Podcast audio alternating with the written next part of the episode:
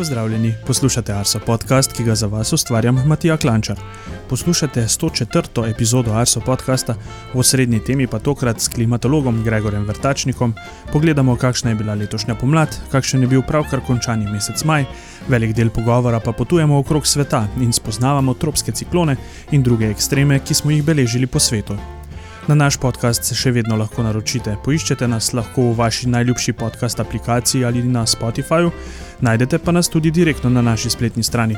Če vam je podcast všeč, povejte še drugim. V stik z nami pa lahko stopite preko elektronskega naslova podcast.arsoafnago.si. Seveda smo prisotni tudi na družbenih omrežjih, kjer z veseljem delimo vaše slike, storije ali se z vami pogovarjamo o vremenu. Na Twitterju smo mete vsi, na Facebooku in Instagramu pa nas najdete pod imenom Arso Vreme. Osrednja tema. Tudi tokrat je z mano v osrednji temi klimatolog Gregor Vrtačnik. Današnja tema pogovora bodo podnebne razmere pravkar končanega meseca maja, pogledala bova, kakšna je bila letošnja pomlad. Na to se bova sprehodila okrog sveta, saj je Gregor pripravil nekaj zanimivih vremenskih ekstremov po svetu. En del pogovora pa bova namenila tudi tropskim ciklonom, ki smo jih v letošnji sezoni že zabeležili nekaj. Lep pozdrav, Gregor. Pozdravljen. Pravkar smo vstopili v meteorološko poletje, zato mislim, da je čas, da nekaj besed eh, namenima pravkar končani pomladi in pa mesecu maju. Uh, najprej bova začela z osnovnim značilnostmi maja, um, kaj se je dogajalo na, na temperaturnem, padavinskem področju, pa na področju sončnega obsevanja in pa snegom. Maj je bil, čeprav nas pogled skozi okno ravno ni prepričal, zmerno topo, glede na zadnje referenčno obdobje od 91 do 2020, in to zlasti na račun sorazmerno toplih jutr, eh, ki so jim pravzaprav nekako kontrirali sorazmerno sveži dnevi. Namreč majo, razen v Ajdovščini, nikjer nismo izmerili 30 stopinj Celzija, kar je v zadnjih letih bolj kot ne uh, pogosto, se pravi, da vsaj na kakšni merilnem mestu, ali oziroma na več, ki izmerimo kakšen vroč dan. Je bil pa maj nekoliko bolj svež od povprečja v severovzhodnem delu Slovenije, pa malenkost toplejši od dolgoletnega povprečja ob zahodni meji. No, skladno s tem recimo, dokaj svežim uh, vremenom, glede na nekaj zadnjih uh, let, če vzamemo, seveda, zelo hladna maja 2019 in 2021, je bilo padavin kar precej veliko. Zlasti v vzhodnem delu Slovenije je padlo večinoma več kot 140 odstotkov običajne količine padavin za maj, no marsikje pa je bilo teh padavin še mnogo več, recimo na Mariborskem območju in v Beli krajini, nikoli v zgodovini meritev še nismo izmerili toliko dežja maja kot letos. In zato ne preseneča, da so bili že po mokrem aprilu, zlasti na Štajerskem, deležni ubilice plazov, ki so povzročili veliko škode. No, nasprotno je bil pa maj ob zahodni meji, se pravi, maj iz, Italijo, pa kar so razmerno suh, ni bil sicer ekstremno suh, uh, bil je pa bolj suh, kot je običajno za ta mesec. No, in zanimivo je, da se maja višina padavin v zadnjih 20 letih nekoliko povečuje, zlasti na račun nekaterih zelo namočenih majev, medtem ko se je recimo junijska višina padavin v zadnjih 20 letih pa kar precej zmanjšala, oziroma se je povečalo število zelo suhih junijev, prav izrazito namočenih junijev pa v zadnjem obdobju ni bilo. No, in zaradi tega je tudi oblačnosti, trend v, oziroma trend v oblačnosti v teh dveh mesecih nekoliko nasprotujoč. Se pravi, maja imamo v zadnjih letih kar pogosto dokaj turobno vreme, zlasti če ga primerjamo s maji koncu 20. in začetku 21. stoletja, nekako pred 15 do 25 leti, ko smo imeli kar številne, dokaj sončne maje, no so nas pa letošnji 2019 in 2021 pa bolj kot ne razvajali z oblaki in sivino na mesto s soncem.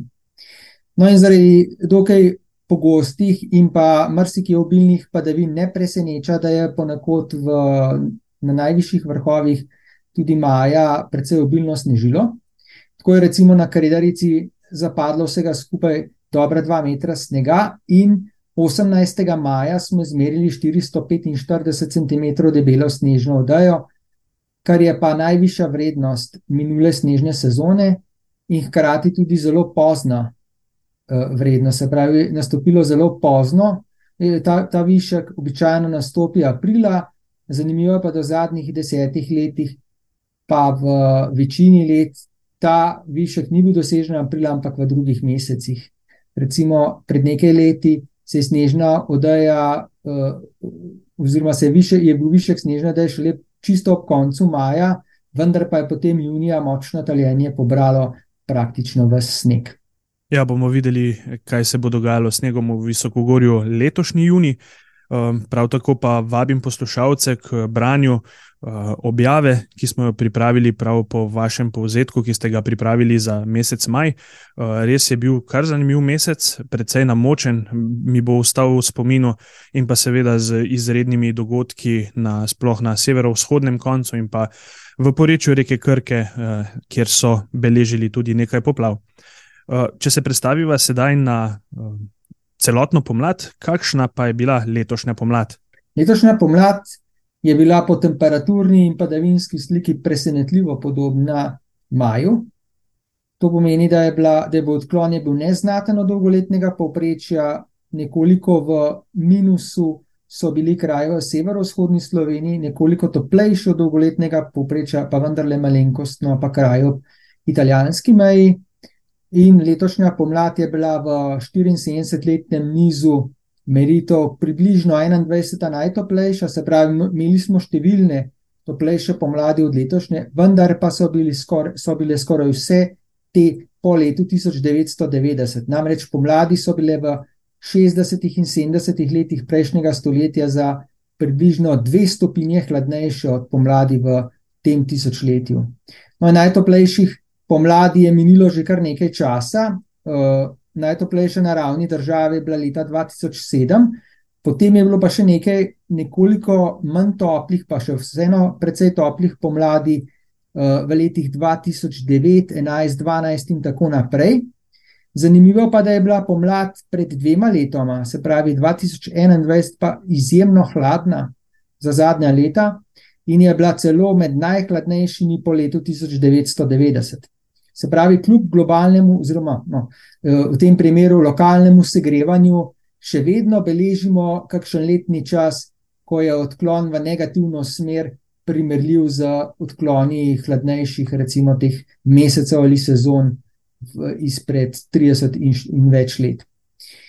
Poleg tega, da je bila letošnja pomlad sorazmerno, se pravi, sveža, glede na zadnjih 20 let, je bila pa tudi v vzhodni Sloveniji bogata s padavinami, in podobno kot Maja, je bil največji odklon ob vzhodni meji s Hrvaško.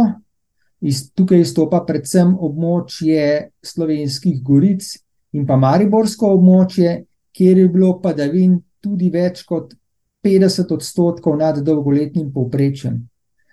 Eh, in na ravni države je odklon sicer samo 20 odstotkov, vendar pa, je, vendar pa to uvršča pomlad na 22. mesto v 74-letnem nizu podatkov. In no, če pogledamo vse razpon pomladi zadnjih 74 let, smo imeli najbolj namočeno pomlad leta 72, ko je bilo padavin še skoraj polovico več kot letošnjo pomlad, najmanj pa eh, v legendarni pomladi 2003, ki je bila predhodnica rekordno vročemu poletju. No, in spomladi 2004, ko je suša že močno pritisnila, je padlo le polovica običajne količine padavine. Zlasti hudo je bilo takrat v severovzhodni Sloveniji.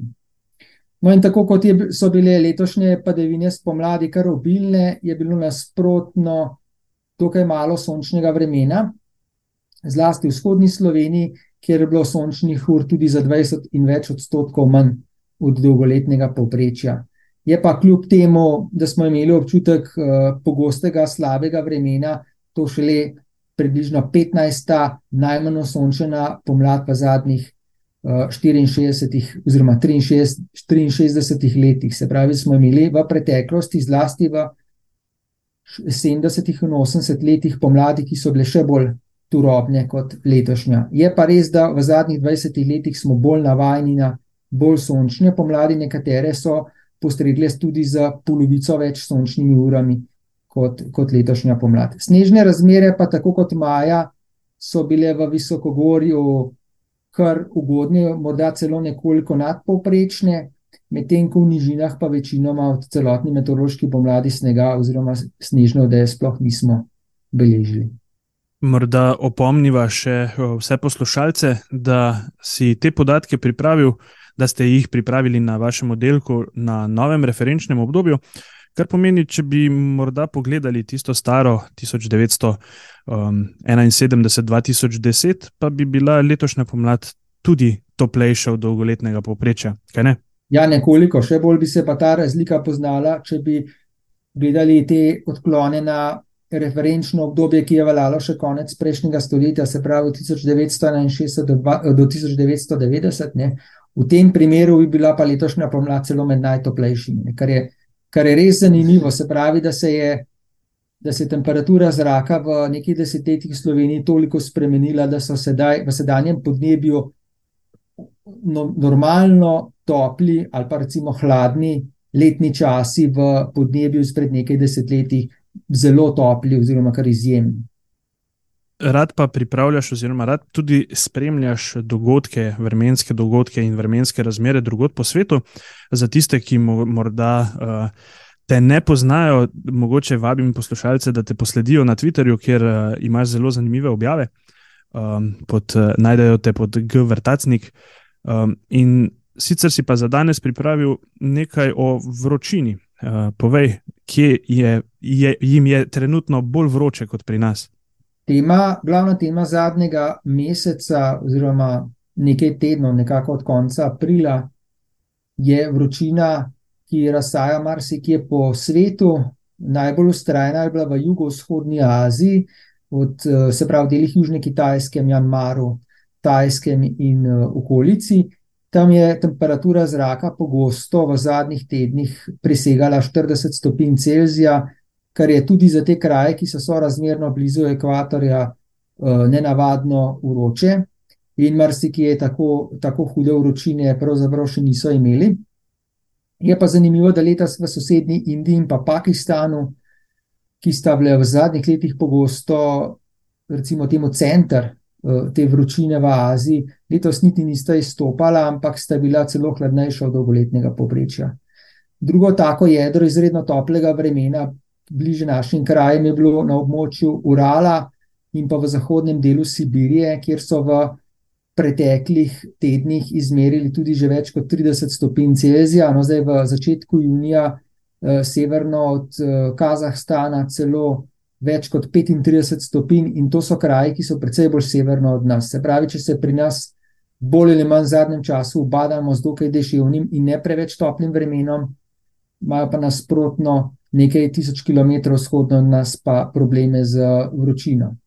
Izredno visoke temperature v zadnjem času so izmerili tudi na območju Sahare, pa v delih Južne Afrike, kjer se pomlad nikakor ni hotela posloviti, ampak so jo kar naprej oblegali vročinski valovi.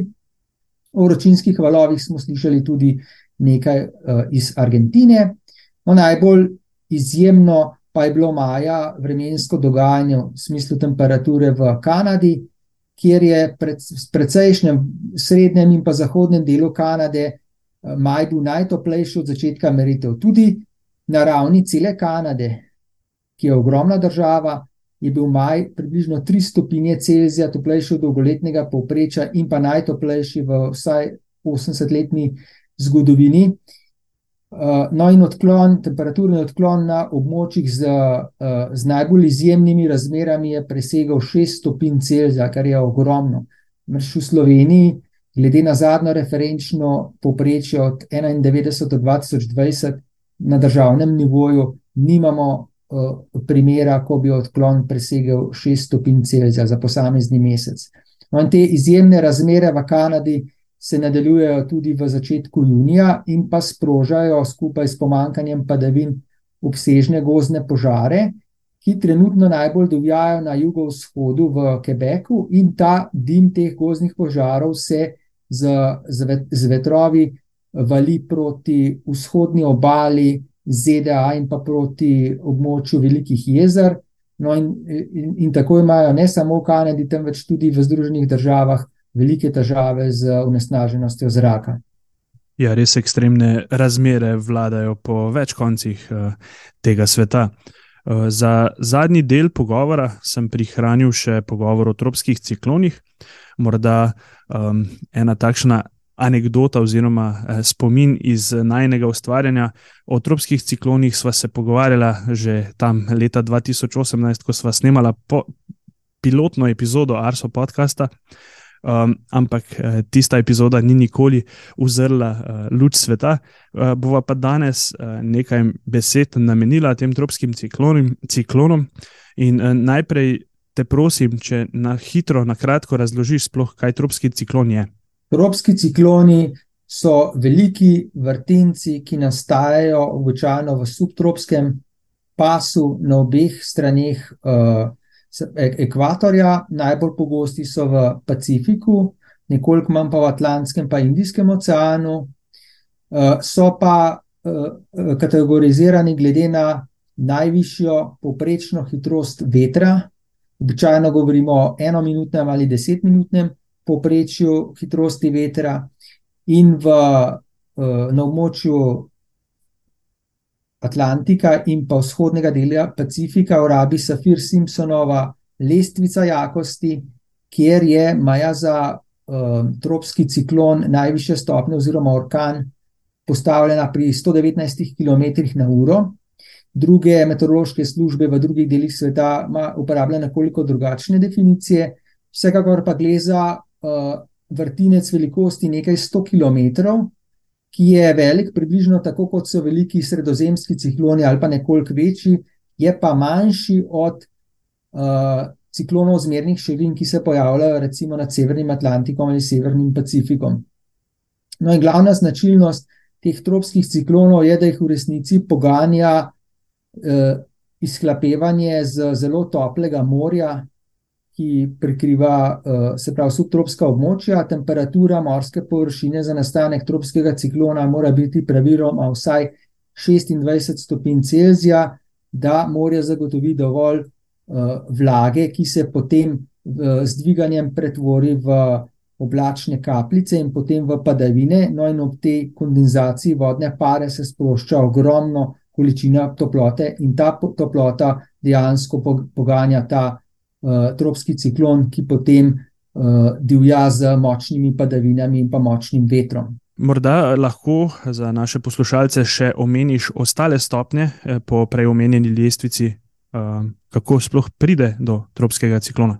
Tropski ciklon nastane z, običajno z motnjo, iz motnje, ki se razvije na Atlantiku, vsaj na Atlantiku, razvije iz nevihtnih sistemov nad Afriko, ki potem potujejo z pasatnimi vetrovi proti Atlantiku, no in nad Atlantikom se v ugodnih razmerah razvije večje območje nizkega zračnega tlaka, in dokler poprečna hitrost vetra ne preseže 62 km/h, govorimo o tropski depresiji. Se pravi, gre za neko območje manjše, eh, manjšega znižanja zračnega tlaka, glede na okolico, nek tak šibek ciklon, ki pa lahko že prinese obilne padavine ko se, ko se ta tropski ciklon, oziroma ta tropska depresija poglobi v tem meteorološkem žargonu, to pomeni, da se zračni tlak v središču zniža, se okrepijo vetrovi, ki lahko dosežejo že uh, 70, 80 in več km na uro, no in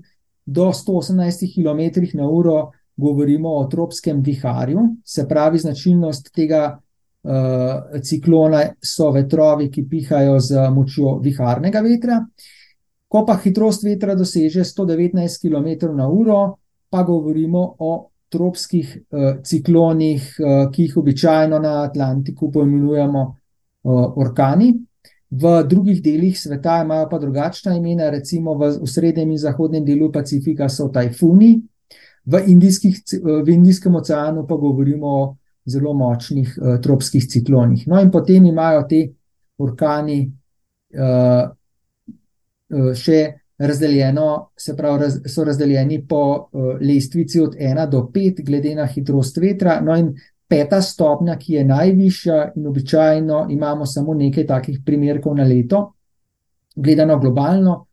Tam pa hitrost vetra v središču, oziroma v tistem pasu, kjer najbolj piha, doseže 250 km/h in več, kar pomeni, da so posamezni sunki vetra lahko, lahko tudi pri 300 ali celo več km/h. Mislim, da je tukaj zdaj uh, dobra istočnica za to, uh, da se spet uh, malce sprehodiva okoli sveta, kajti že v letošnji sezoni smo bili priča uh, kar nekaj pojavov tropskih viharjev, uh, tudi tajfunov, zelo močnih že. Uh, pripravil si za začetek uh, prvega moko, ki je bil uh, prisoten v Indijskem oceanu. Ja, uh, zelo močan tropski ciklon Moka je nastal kot tropska depresija 9. maja severozahodno od Sumatre in se pa potem v naslednjih dneh v ugodnih razmerah nad toplim morjem okrepil v zelo močan tropski ciklon. Najprej potoval proti severu, na to se obrnil proti severovzhodu, proti Mjanmaru in je 14. maja Eh, dosegal največjo moč. Takrat je veter pihal s hitrostjo do 280 km/h, v središču pa naj bi tlak znašal, glede na, uh, glede na to, kako je uh, ta tropski ciklon izgledal na satelitskih slikah. Naj bi tlak znašal okrog 918 hektopaskalov, se pravi približno 1000 hektopaskalov, 100 hektopaskalov manj kot je običajno na tem območju. No, in skupaj s ciklonom Fani, ki je postošil v Indijskem oceanu pred leti, velja zdaj ta tropski ciklon Moka za najmočnejši znani ciklon v Severnem Indijskem oceanu. No, in eh, na nesrečo tamkajšnjega prebivalstva je dokaj močan prišel na obalo Janmara. Eh, veter je še vedno dosegal tudi več kot 200 km/h, povzročil precejšno gmotno škodo, pravzaprav natančnih podatkov zaradi uh, zaostrenih razmer na tistem območju nimamo. Uh, je pa območje, poleg močnih vetrov, prizadela tudi zelo visoka plima, povezana s, temi, s tem močnim vetrom in pa znižanjem zračnega tlaka. Se je morje ponekod dvi, dodatno dvignilo za več kot 3 metre. K sreči pa je ciklon hitro, nadkopni hitro slabel in razpadel, Eh, pa tudi dokaj hitro je potoval prek Mjanmara, tako da je lepo nekod padlo več kot 200 mm dežja. Sicer veliko za tiste kraje, ampak v primerjavi s kakšnimi drugimi tropskimi cikloni še vedno so razmerno malo.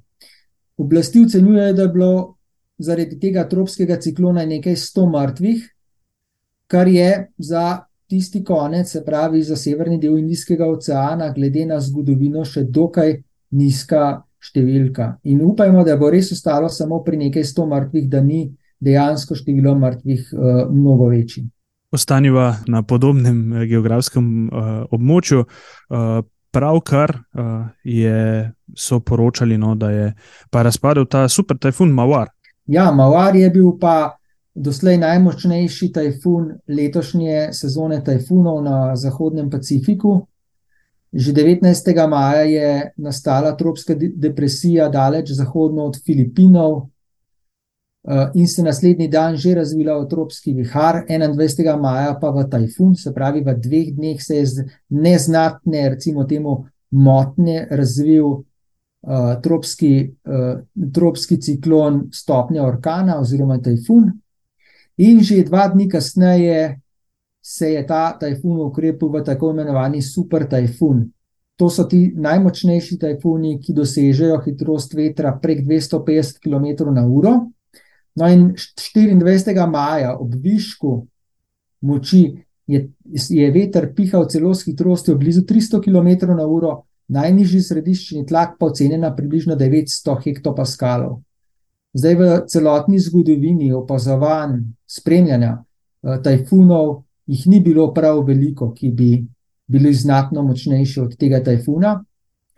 Je pa k sreči ta tajfun, ki se je takrat pomikal proti Tajvanu, prešel samo nekaj manjših, oziroma bolj nenaseljenih otokov, in zato ni povzročil večje škode. No, in ko se je, že, ko se je usmeril proti Tajvanu, pa že začel slabeti in se je potem vzhodno od Tajvana obrnil proti Japonski, ki je prav tako ni dosegal svojim središčem, je pa povzročal težave na Japonskem, vendarle tudi z deževjem.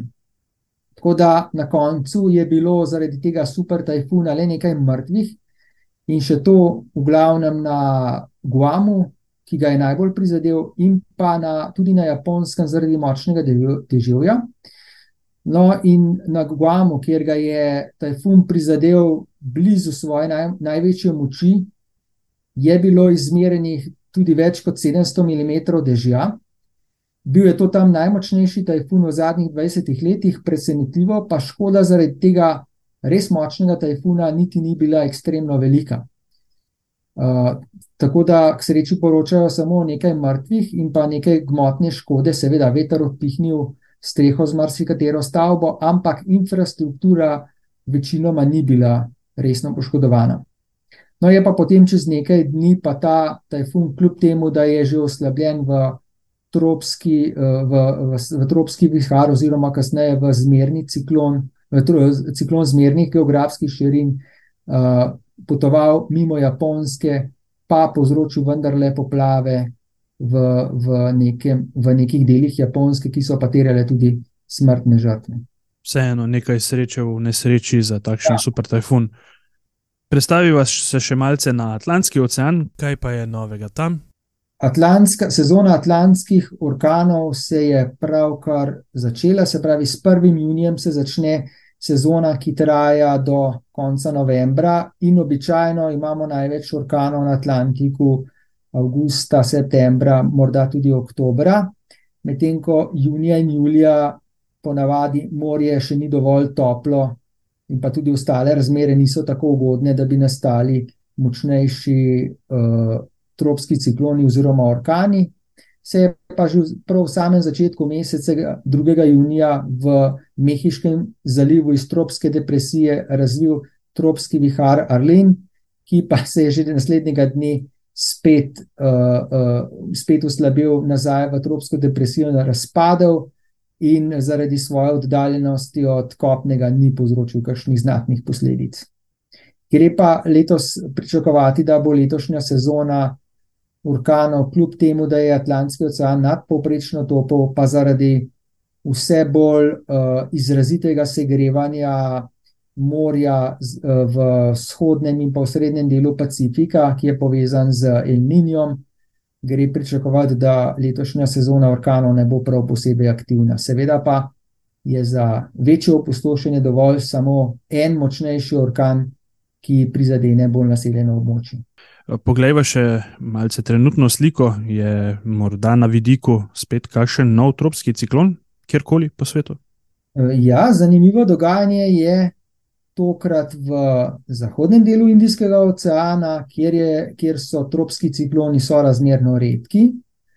No, tam je zahodno od Indije pravkar nastal uh, nek manjši tropski ciklon, ki se bo pa v naslednjih dneh verjetno precej ukrepil in bo sprva potoval proti severu, kasneje se pa uh, napovedi njegove poti med meteorološkimi modeli zelo razlikujejo, kar je precej nenavadno. Namreč Ameriški model ga sistematično obrne proti zahodu, proti Omanu, kjer naj bi ga dosegel še vedno kot kar močan ciklon z obilnim dežjem, medtem ko ga evropski nese proti Pakistanu, kjer naj bi razpadel še preden bi prišel na kopno. Indijs, eh, nemški eh, meteorološki model ICON pa ga eh, pelje, pa pelje ta ciklon proti skrajni severni obali Indije, kjer bi pa lahko povzročil nekaj gmotne škode, že kot precej oslabljen uh, tropski ciklon. No, tako da bomo v naslednjih dneh spremljali, kateri, kateri od teh treh scenarijev se bo resničil. Tako da, ja, še enkrat uh, vabljeni k spremljanju tudi Gregorja na Twitterju. Um, Gregor, tebi se pa res najlepše zahvaljujem še enkrat za tvoj čas, da sva malce pregledala tole sezono orkanov in pa tropskih ciklonov po svetu. Uh, pa verjamem, da uh, bova se potem v jeseni spet kaj slišala in pogledala, morda nas bo čez poletje kaj pričakalo. Ja, tudi tebi hvala za vabilo in pa veselim se že najnega naslednjega pogovora. Obeti V vremensko prihodnost je pogledal Brane Grejočič. Kar nekako navadili smo se že, da nam mesec juni že zgodaj prinese vročino, a ni vedno tako. Na zadnje je bil začetek meseca junija podobno deževen kot je letošnji pred tremi leti, se pravi leta 2020. Takrat se je nad 30 stopinj segrelo šele proti koncu meseca. Seveda nas vse zanima, kako bo z morebitno junijsko vročino letos. Naj kar takoj povemo, da kakšnega vročinskega vala še vsaj dva tedna ni na vidiku. To sicer nikakor ne pomeni, da bo hladno. Temperature bodo predvidoma blizu dolgoletnega povprečja za ta čas in sicer ob jutrih večinoma od 12 do 16, ter ob popovdnevih med 24 in 28 stopinjami. Morda bo za koga nekoliko moteče dejstvo, da se vreme ne bo povsem ustalilo. Kljub temu, da bodo dopolednevi dokaj sončni, pa bodo popoldne skoraj vsak dan nastajale krajevne poletne plohe in nevihte. Sveda ne vsak dan na istih območjih, a negotovost je tista, ki si je predvsem kmetje ne želijo, saj letos marsikje že precej zamujajo s pravilom sena. Skladno s klimatskimi značilnostmi lahko najmanj ploh in neviht pričakujemo v bližini morja, največ pa v hribovitem svetu. Močno junijsko sonce, ostanki hladnega zraka v višinah in vlažna zračna masa pri tleh bodo žal najbrž poskrbeli tudi za pojav kakšne močnejše nevihte oziroma krajevnega neurja. Ker se bliža kopalna sezona, naj povemo, da je temperatura slovenskega morja že dosegla 20 stopinj in bo v naslednjih dneh še počasi naraščala. S pogledom v vremensko prihodnost smo pripeljali 104. epizodo Arsa podcasta do konca. Čez 14 dni se slišimo v zadnjem podkastu letošnje sezone pred poletnim premorom. V pogovoru bom gostil prognostika Janeza Markoška, vabljeni k postavljanju vprašanj. Želim vam obilo lepega vremena in se slišimo.